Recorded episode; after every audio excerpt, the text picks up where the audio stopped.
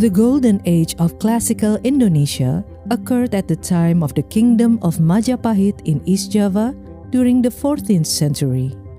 The sophisticated nature of the Majapahit civilization can be seen in the remains of a complex urban landscape. The economy and trade also flourished during that time. Majapahit heavily interacted with the international community. Many foreign traders came looking for a good deal. Each of them brought their own currency. The Chinese traders, for example, brought coins known as kepeng. With a high frequency of trades using cash coins, there was demand for the kingdom of Majapahit to create their official coins.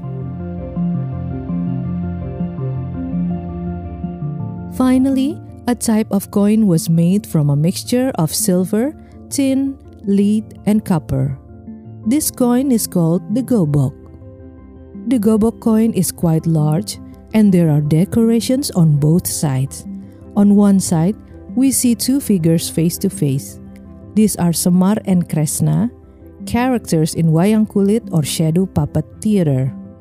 The other side of the coin was adorned by various images such as tree, a weapon, sesaji or offerings to the gods, or even Arabic or Old Javanese script. Interestingly, the Majapahit coins were not only seen as legal tender, but also as a good luck charm.